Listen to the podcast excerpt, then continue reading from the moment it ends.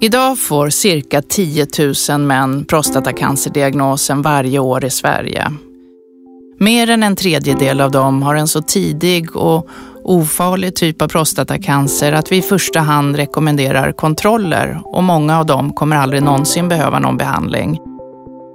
Men så finns det den del där vi direkt rekommenderar en botande behandling, de som har en allvarligare tumör.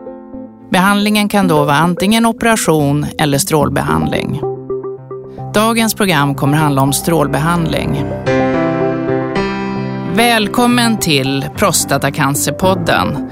Podden som är för dig som vill veta mer om prostatacancer oavsett om du är patient, anhörig eller bara allmänt intresserad.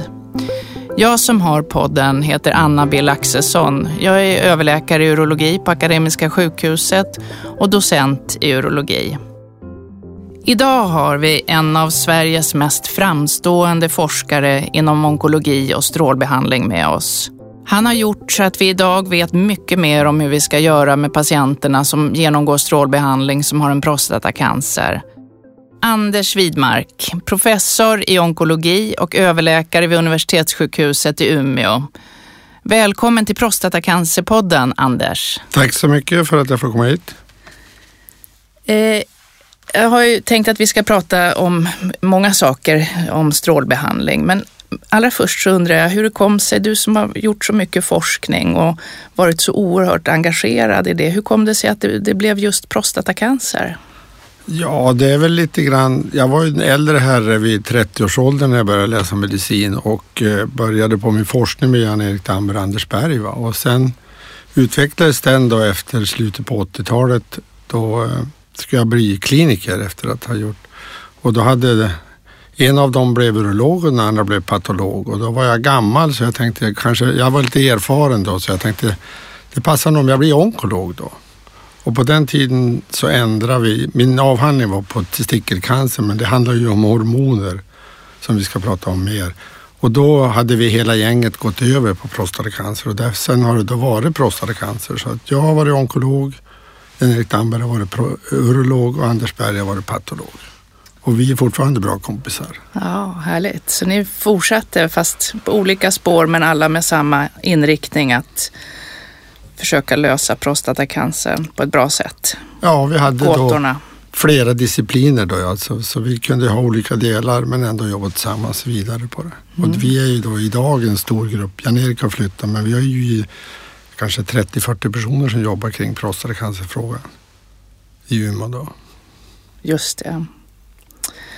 Om man då funderar på det här med strålbehandling, vad, vad, vad, vad händer? Vad gör strålbehandling med prostatacancer?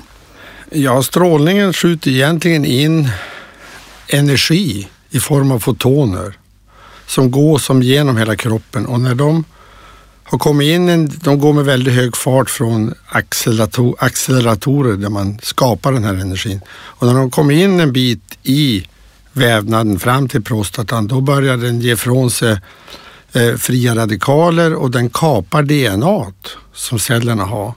Och när cellerna sen ska dela sig nästa gång, då dör de. Så det är det, den kapar helt enkelt DNA-spiralen så att säga. Den förstör cellens fort, möjligheter att, att bli två celler vid delning. Vad händer med de friska cellerna då? Vävnaden runt omkring? En del av de friska cellerna får också eh, strålning va? och det går, finns en del DNA där och de kan ju reparera till viss del.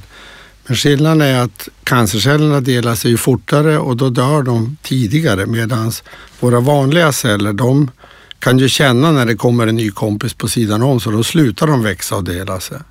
Så därför delar de sig ju mindre mycket. Men det blir ju en del biverkningar också på vanliga celler. Men de återhämtar sig på ett, på ett bättre sätt då? De har de får, de får mindre stryk, kan man säga så? Ja, det blir ju som att några av dem blir sämre eller dör, men det kan ju tillskapas en del nya celler också. Men det blir ju vissa restsymptom som kan förekomma. Just det. Sen finns det ju väldigt många olika varianter på strålbehandling. Kan du berätta lite om de varianterna och varför man gör det ena och inte det andra? Och... Ja, det finns ju då först vanlig klassisk yttre strålbehandling som vi har. De flesta har, alla kliniker i Sverige har det. Och då skickar man den här energin från accelerator. Och sen finns det andra alternativ att man stoppar in radioaktiva källor i prostata. Eh, I samband med ryggbedövning eller så, så för man in en strålkälla som är inne. Det finns en som vi kallar seeds eller frön och de stoppar man in och de 80 stycken strålande jodfrön och de sitter kvar resten av livet. Då.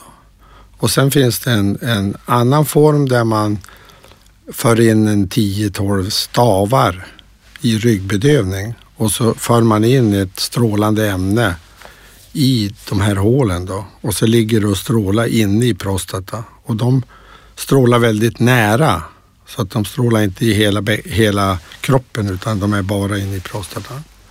Och då är det väl så att de här eh, fröna de är ju ofta lägre dos än vad vi har haft förut. Medan den andra när man stoppar in de här stavarna, de används på större tumörer och kallas, vi kallar det på slang HDR-brachyterapi, alltså högdosrat. Hög, det sprutar väldigt mycket från de här källorna då. Om man tänker sig att det blir som en geigerräknare men det sprutar hårt. Va?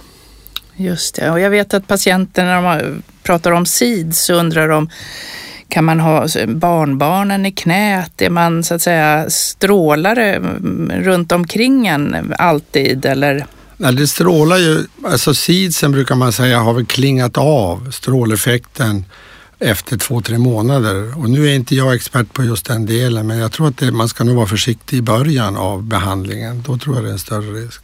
Man gör ju väldigt olika på olika ställen i Sverige. Är det, är det bara att ni tycker olika eller att det bara har råkat bli så? Eller? Det är nog en stor del tradition på kliniken vilken typ av doktor som har varit där. Då. De flesta, alla har egentligen yttre strålbehandling och av prostata är det ungefär 70 procent som görs på dem då.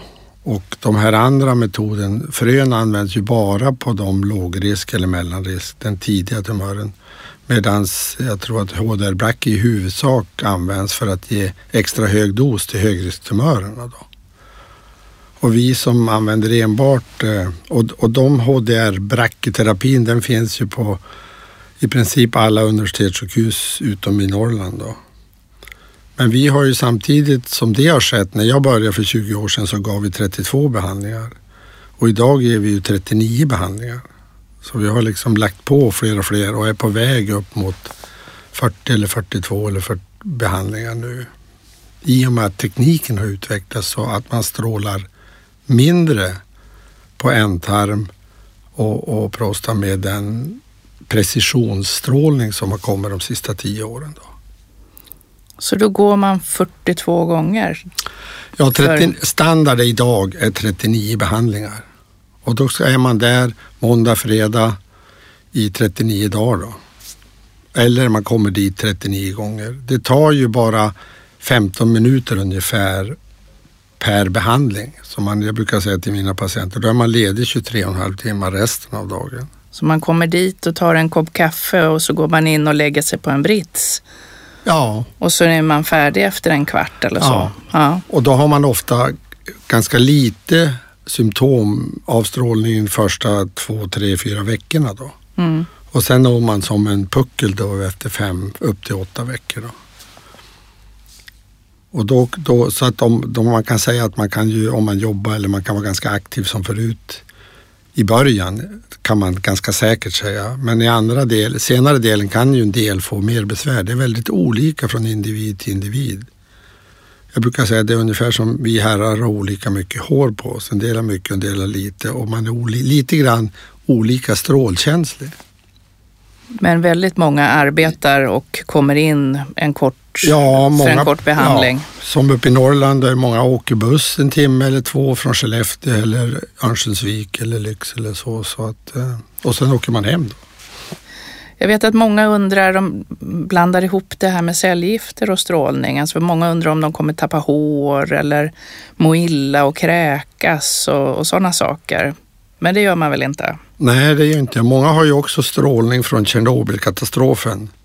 Då minns man ju att man fick som en dusch på hela kroppen. Ja, just det. Men den här strålningen är ju väldigt riktad enbart mot prostatakörteln och då ger man ofta ett par olika, fem olika ställ, strålfält som går igenom kroppen. Då. Men alla möts mitt över prostatan. Då. Så, så prostatan får strålning från alla håll medan de andra går om, på sidan om varandra. Lite. I och det är det vi kallar dosplanering och när vi lägger upp strålningen. Så att säga. Gör ni undersökningar innan när ni, när ni ska göra den här planeringen av hur man ska stråla? Ja, det, det blir så att det fungerar ju ofta så att urologerna de har gjort diagnostiken på patienten då. Mm. Och då gör de det och sen har de en första diskussion och sen skickas ju om man får second opinion då. Att man får gå till en onkolog och få diskutera med den personen på och då sen ska man ju gå hem och bestämma sig vilken typ av behandling man ska ha då. Och om då patienten säger att jag vill, ja, jag tar något strålbehandling, då beställer vi det och det tar ungefär ofta en månad innan man har fått en tid. Då. Och när det då är ungefär två, tre veckor kvar till strålbehandling, då lägger vi in guldkorn i prostata. För att då kan vi se dem när man ligger på apparaten eftersom prostata rör sig lite grann. Men om man har guldkornen inne så kan vi med lite röntgenstrålar se att det sikte vi har på strålkanon ligger på en av dem där och då kan vi träffa prostata exakt. Då. Så då lägger man in dem ett par veckor före och sen kommer man veckan innan man ska starta. Då gör vi en CT eller skivröntgen, datortomografi och så gör vi en magnetkamera på de flesta ställena för att se hur prostata ser ut och så läggs de in i ett datasystem och så ritar vi som doktorer då hur stor prostatan är och vilken del vi vill ha strålningen på. Då. Och sen gör man det vi kallar dosplanering när ett antal sköterskor lägger upp strålar från olika håll i kroppen så att alla ska träffas över prostata och så lite som möjligt på urin eller på, på en tarm och övrigt. Och sen startar man då veckan efter då och då är det ofta i början av veckan och sen är det då den här kvarten om dagen. Så det är en väldigt stor precision i det här, skulle du säga det? Ja, men det är väl en av de utvecklingar som har skett de sista tio åren, att vi från att bara ha man ser ju inte prostata utifrån, men genom att vi lägger in de här guldkornen i olika former så då kan vi sikta på dem och då betyder det att våran säkerhetsmarginal runt prostatan har minskat från kanske 15 millimeter ner till 7 millimeter säkerhetsmarginal. Så det område vi har ritat ut som vi ser på magnetkamera, det ritar vi ut och så lägger vi på 7 millimeter säkerhetsmarginal runt om. Då. Hur skiljer sig strålbehandlingen idag jämfört med när du började skulle du säga?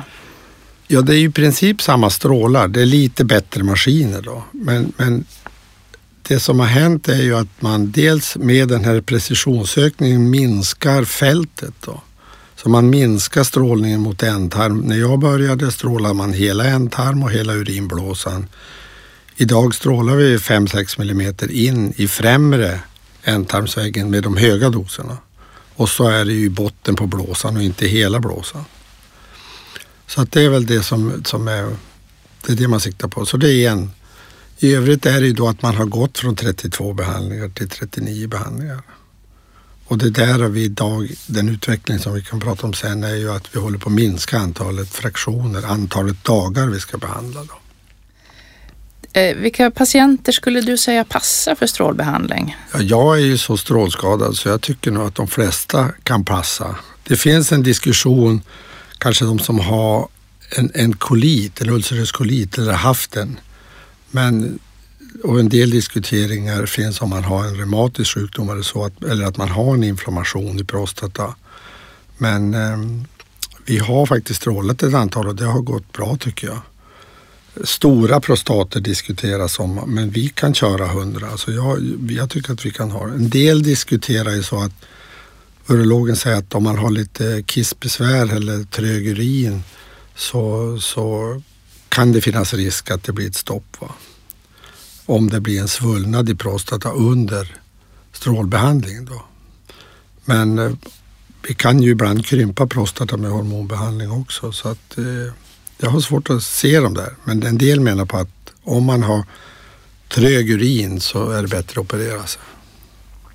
Ja, det brukar vi ta upp i Uppsala om de har väldigt mycket vattenkastningsbesvär. Att, att det kan bli bättre med operation men att det kan bli sämre med strålning. Å andra sidan finns det ju annat man kan göra för vattenkastningsproblemen. Som du säger, hormonbehandlingen. Eller också förr så opererade man ju ibland prostatan med en sån här hyvling först och sen strålade. Så att det är inget, det är inget absolut hinder Nej, att, att inte stråla om man vill ha det. En, en period var det ju så att man ibland diskuterade om man skulle hyvla före eller inte då. Men idag tycker jag vi har gått över mer till att om man har lite trögt så kan man antingen, inte en kateter utan man tar en tillfällig kateter och kateteriseras en eller två gånger per dag. Och då ser man att efter ungefär sex månader efter strålningen klart så kan man nog sluta med det igen. Jag tänker, många patienter som jag pratar med i Uppsala har vi en gemensam mottagning tillsammans med, en urolog och en onkolog då, tillsammans med patienter och partnern. Eh, och då får man en ganska bra möjlighet att diskutera för och nackdelar med båda Eh, och vad som kan gälla för just den här patienten. Som, vad som är viktigt, vad, vilken risk av biverkningar man inte vill ta. Gör ni något sånt i Nej, vi har ingen stående rutin för det utan vi har ofta att de har träffat urologen eller kirurgen på hemorten och så kommer de till oss då för en second opinion. Så då träffar vi dem separat och så brukar vi det beror ju på hur, hur, patienten vill. En del vill ju opereras men ändå kanske komma och höra hur det är och en del har bestämt sig för strålning. Men vi har ingen gemensam eh, mottagning än. Och man ser ju i studier att träffar man bara en urolog så, så blir det väldigt ofta operation och träffar man en onkolog mm, skickad som du säger så blir det strålning, att det inte skickas så mycket emellan och då har jag funderat ganska mycket på det här och jag vet att för många år sedan när ni hade ert stora möte så frågade jag er om, är det någon av er som skulle välja strålning om ni hade en prostatacancer? Och då blev ni nästan lite vresiga på mig och tyckte att det skulle ni göra allihopa. Och samma svar har jag fått när jag frågat urologerna att i princip samtliga skulle välja operation. Så att det förklarar väl kanske till viss del varför det lätt blir att den man träffar, den behandlingen blir det. Jo, men så är det ju. Vi är ju på vi är ju inte konkurrenter, vi är lite konkurrenter på något sätt om vi vill ha mer patienter och det vill vi ju ofta. Men man är ju troende i sin egen disciplin på något sätt. Och eh, jag brukar kalla mig själv strålskadad och prata för lite strålbehandling och, och urologer är knivskadade, de pratar för kirurgin med dem. Och sen är ju, de har ju också träffat patienten först. Då. Så det är ju ofta att man, man har fått mer tid. Men vi, jag tycker att hos oss har det ju med åren blivit mer och mer som skickas till second opinion. Just det, för det finns med i riktlinjer ja. nu att man ska få det om man vill alla har rätt till det, alltså att man kan få träffa två doktorer. Och det är klokt eftersom patienterna sitter i en väldigt svår situation när de ska bestämma behandling. Det är ju många som säger, men doktorn, vet inte doktorn vad jag ska göra? Och då brukar jag säga till dem, ja, jag vet ju att det finns de här behandlingarna och vi betraktar dem ju som lika bra. Men, men det är du som ska leva med eventuella biverkningar, inte jag. Ja. Och därför försöker vi förklara det på så bra sätt som möjligt. Då. Ja, jag råkar också ofta ut för att patienterna undrar att men vet inte du? Vad är bäst? Eller vad skulle, vad skulle du göra om det var din man? Så frågar ja. de ganska ofta. Att, att, eh, men man vet ju från studier att, att man har lättare att leva med sina biverkningar om man har varit med och fattat beslutet. Att det inte har skett ovanför ens huvud utan man faktiskt har varit med och, och tagit ställning. Så att man vill ju gärna att patienten är med och bestämmer. Ja, jag tror att det är viktigt att, att patienterna får komma till båda disciplinerna och sen att man får en veckas andrum eller två och får smälta det och försöka och komma tillbaka och ha frågor. För vi pratar ju rätt så mycket och, och, och, komplicerat och det är svårt för dem att förstå det på en gång.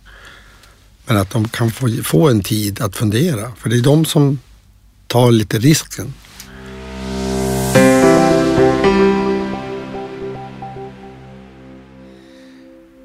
Du, jag tänker det här, det finns ju kanske, i alla fall vad vi vet vetenskapligt, några patienter som där man vet har väldigt bra nytta av strålning men eh, där man, kunskapsläget är lite mer osäkert för operation. Där vi nu gör en stor studie för att reda ut det här i Skandinavien. Och då tänker jag på de här som är lokalt avancerade, det vill säga de växer utanför prostatakapseln. Det är inte, det är inte den majoriteten, men det finns ju de patienterna. Där har du gjort en väldigt viktig och banbrytande studie. Kan du berätta lite om den? Ja, det är de här vi kallar lite högrisk och eh, de får ju, fick ju när jag började där på 90-talet enbart hormoner. Mm. För man trodde ju att hade de vuxit mot kanten av prostata då är det inte lönt att göra något mer utan då är det bara att sätta in hormoner för att de har ju ändå fått spridning då. Och då blev det så att vi hade en lång diskussion för då hade man börjat göra hormoner plus strålning mot enbart strålning då. Och då blev det så att vi gjorde att vi jämförde bara hormonell behandling mot hormoner plus strålbehandling då. Och då var det, nu har vi inte pratat om, men man, man använde ju kastration som initialt och sen åt man en antiandrogen då, en bromstablett på. Och de har ätit det hela livet då. Och det visar sig då nu när vi nyligen har publicerat 15 års data uppföljning att, att eh, under hela perioden så har det visat sig att man halverar risken att avlida i sin prostatacancer om man lägger till strålning jämfört med bara hormoner. Och det är ju ett jättestort resultat och det rör sig om att istället för kanske 35 procent på den tiden som avled så är det 15-17 procent som, som har avlidit under 15 år. Mm. Så även om man har en tumör med PSA 50 eller 30 och en, man kan känna en knöl så är det ändå 85 procent som inte behöver avlida i sin prostatacancer på 15 år. Och det där är ju faktiskt väldigt viktiga, viktig information. Att det här, och det här gäller ju de som har en ful cancer, en riktigt allvarlig cancer som de sannolikt har gått med väldigt länge och som, som då eh, kanske också ibland i vissa fall har spridit sig till lymfkörtlar. Har ni tittat ni på det någonting om, om det fanns det? Nej, inte i den här i, i, den studien vi gjorde så var det de stora tumörer man fick ha vesiklar och man opererade körtlarna på den, de, den lilla operationen för att titta på de som hade körtlar. Så att de här patienterna var undersökta att hade man ett PSA över 10 eller en mer avancerad tumör så gjordes det lymfkörtelutrymning men bara den lilla delen av det hela. Så att det är det. Och sen när det gäller hormonbehandling så använder vi den lite olika i Sverige. Ja, det var det jag tänkte komma in på nu lite grann. För hormonbehandling är något som vi lägger till för vilka patienter? Ja, det är är lite grann olika. Mm. Det finns de man har hög risk och det kan man väl säga är de som har Gleason 4 plus 4 eller högre. Vi använder PSA över 20. Mm. Och en del har lagt till om man kan känna en knöl och så. Och då fungerar det så att efter man har varit och bestämt sig för strålning, då sätts man ofta på hormoner. Och då får man, i Norrland får man två sprutor så man är kastrerad under åtminstone 6 till 9 månader. Två sprutor efter varandra? Ja. Så det är ett halvår? Ja, och så samtidigt så ger vi den här antihormontabletten. Så att andra halvan av behandlingen då är det bara antihormontablett. Efter själva strålbehandlingen? Ja. ja, just det. Och världen i övrigt, de, de har, ger väl någonstans mellan 18 månader och upp till tre år då, till de här patienterna. Både utanför Sverige eller utanför Norden är det ofta kastrering. I Norden ger vi den här bromstabletten som man får tillbaka sitt testosteron efter kastreringen. Det här med biverkningar, det, finns ju, det, ju, det skiljer sig ju om man får bara strålning eller om man får strålning och hormoner. Men om man, om man delar upp det så att säga, vad, vad får man för biverkningar av själva strålbehandlingen? Ja, själva strålningen, den, det får man ju de organ som är i strålfältet och det är ju då urinröret och det är ändtarmen och det är nerverna som går att reglera erektionen i penis. Då. Och då brukar det vara så, min, min beskrivning av det hela är att när patienten kommer till mig brukar jag fråga hur ofta kissar du på natten? Mm. Och en del säger en gång och en del säger en till två Och då brukar jag säga, jag lovar dubbelt upp. Så att det brukar bli en dubblering under strålperioden och två, tre månader efteråt. Och sen brukar man komma tillbaks till ungefär samma nivå då. Så att man, och då upplever inte vi att vi har något urinläckage i större omfattning. Men en del kan bli om man kommer hem och så har man hållit kisset när man har varit och handlat, det tog längre tid än jag trodde. När jag kom till dörren så kan det tränga på lite extra. Och det där är mest under den första perioden. Och, att det, och det är som en typ av trängning där ibland kan man kan ha svårt att hålla emot. Det brukar släppa efter en tre, fyra månader då. När det gäller. Vi har inget läckage i större omfattning. Över tid kan det ju bli mer. Eh, och sen är ju då ändtarmen då den är ju klistrad på baksidan av prostatan. Det är därför vi kan känna den. Va? Och det betyder att främre väggen på ändtarmen kommer att vara i strålfältet. Och det betyder att man, man kan se slem och lite blod ibland som kommer efteråt. Man blir ofta lite gasig under den här perioden. Och det där slemmet och blodet kan vara kvar hos en del. Och ibland kan det vara så att man har det under strålningen och några månader efteråt och så försvinner det men sen kan det komma tillbaks efter två, tre år. Och då blir man lite orolig men sen går det ner upp till fem år när vi har mätt det här med livskvalitetsformulär. Och den svåra biverkan där är väl egentligen den som om man, det går ett antal år, fem, tio år och så blir man lite äldre och då blir man lite slappare i muskulaturen så kan det, ibland kan det vara svårt att våga släppa en gas på stan som äldre herrar kan göra utan att det blir lite fukt i kalsongerna eller byxan. Jag brukar förklara för patienten, det är ungefär som om du äter en köttbulle och så dricker du mjölk och så ska du vissla en trudelutt. Då måste läpparna vara bra för att inte det ska läcka. Men det, det är ett ganska ovanligt Ja, det är 2-3 procent efter ja. fem år som, har det då, som får det. Och sen är det då impotensen då för att den dam som tillverkade oss herrar hon limmade ju de här elkablarna på utsidan av prostatan men glömde sätta på plast. Och då är det så att framförallt om man har varit rökare så har man ju en del kärlskador och då blir man ju oftast impotent. Men om man har varit sexuellt aktiv sista veckan eller sista månaden innan man startar strålningen och inte tar några hormoner, då brukar man ofta åtminstone få tillbaka det ett par år efteråt. Då. Och sen försämras det successivt? Ja, det finns ju både ålder och, och den, det som är väl skillnaden kanske är att de här hjälptabletterna, Viagra och liknande, de fungerar ju ganska bra. För att ofta blir det så att man kan få ett stånd i början av samlaget men då håller det inte igenom. Och då fungerar de här tabletterna bra. Då. Så de behöver inte lika ofta ha sprutor och så som efter det är operation? Väldigt, det är ja. sällsynt. Ja. Ja. Det är sällsynt.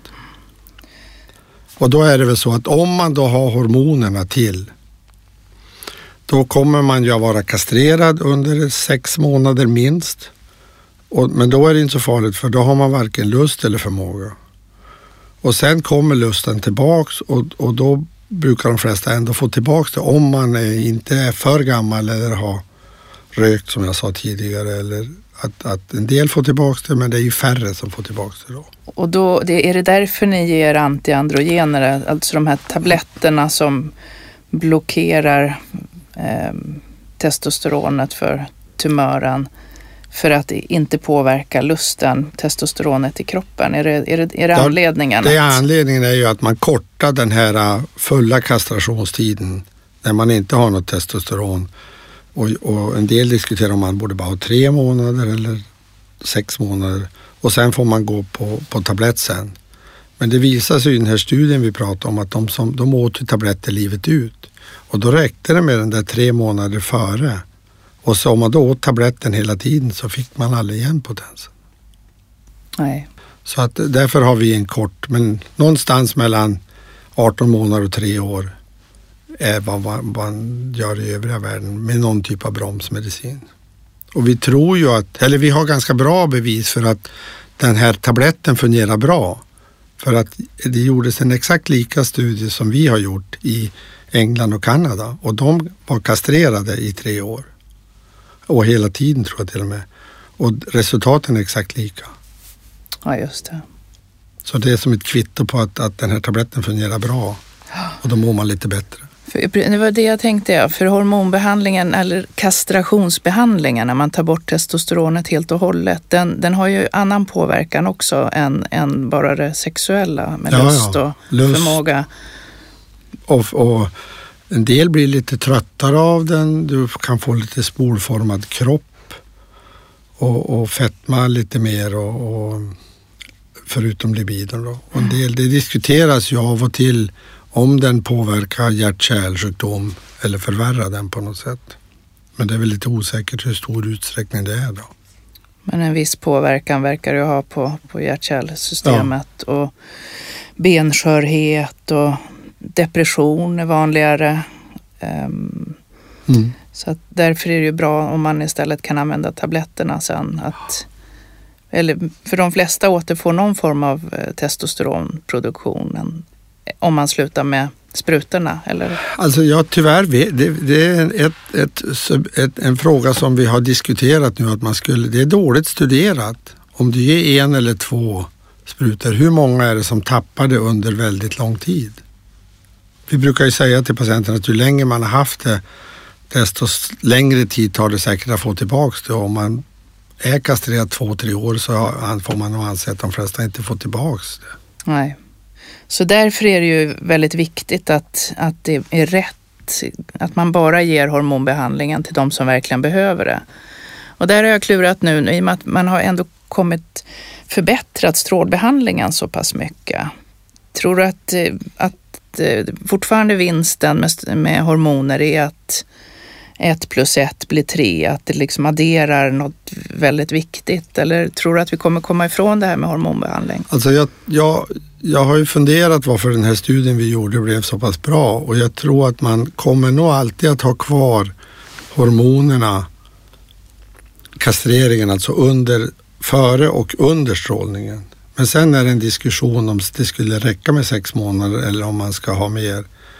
Och ett argument för det har varit att jag har äntligen förstått varför studien fungerar så bra. Det är nämligen så att om man gör den där DNA-skadan så kan ju de friska cellerna och en del cancerceller laga det här.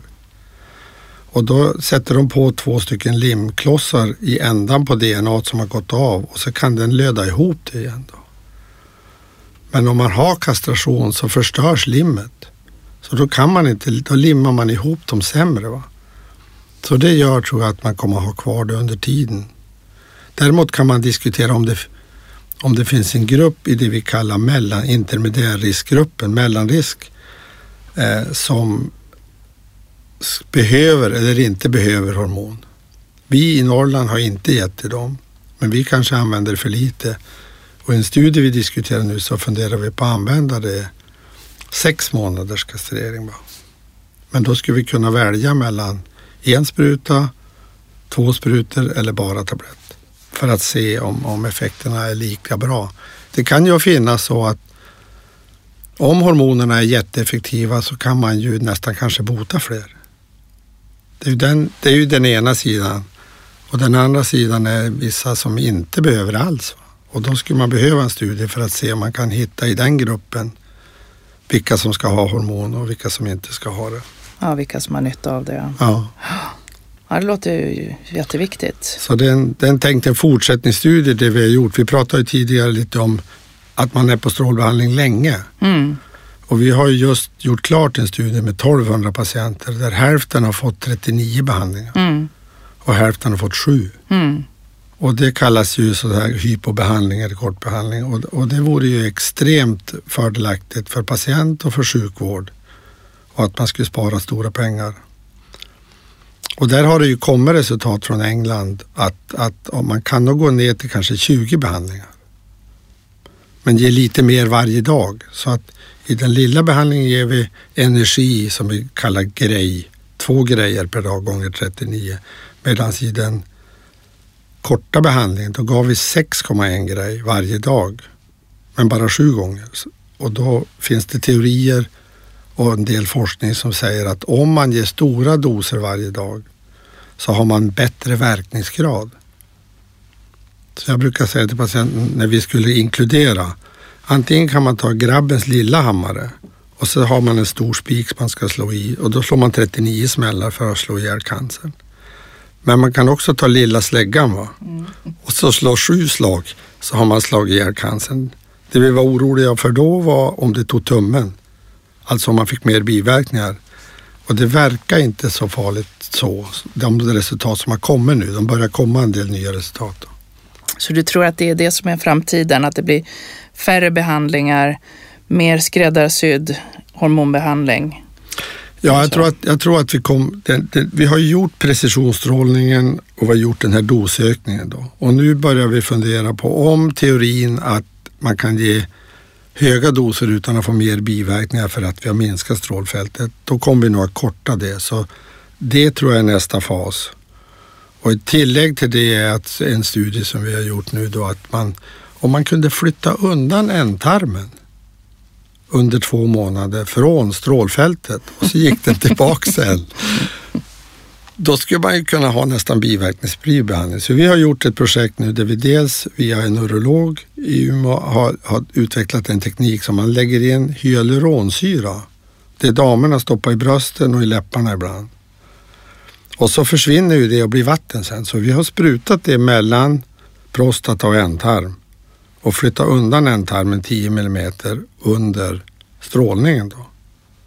Och vi strålar ju 7 mm, så om vi fick ut det 10 mm då skulle man kunna få ner risken att få de här tarmbesvären då, som är kanske vårt vanligaste problem. Då. Det är ju jättespännande. Vad bra, då får vi se att det är, vi avslutar med det. Framtidsvisionen att det blir biverkningsfri strålning i framtiden och skräddarsydd hormonbehandling. Ja. Tack så jättemycket för att du kom Anders. Anders Widmark som är professor och överläkare i onkologi vid Umeå universitetssjukhus. Tack också du som har lyssnat på Prostatacancerpodden. Jag som har den här heter Anna-Bill Axelsson. Jag är överläkare i urologi på Akademiska sjukhuset och docent i urologi. Tänk också på att gärna lyssna på de andra avsnitten om du är intresserad. Podden är upplagd så att du kan hoppa mellan avsnitt och välja de program som du tycker är intressant för just dig. Tack också till Erland Carling och Beppo ljudproduktion. Hej då!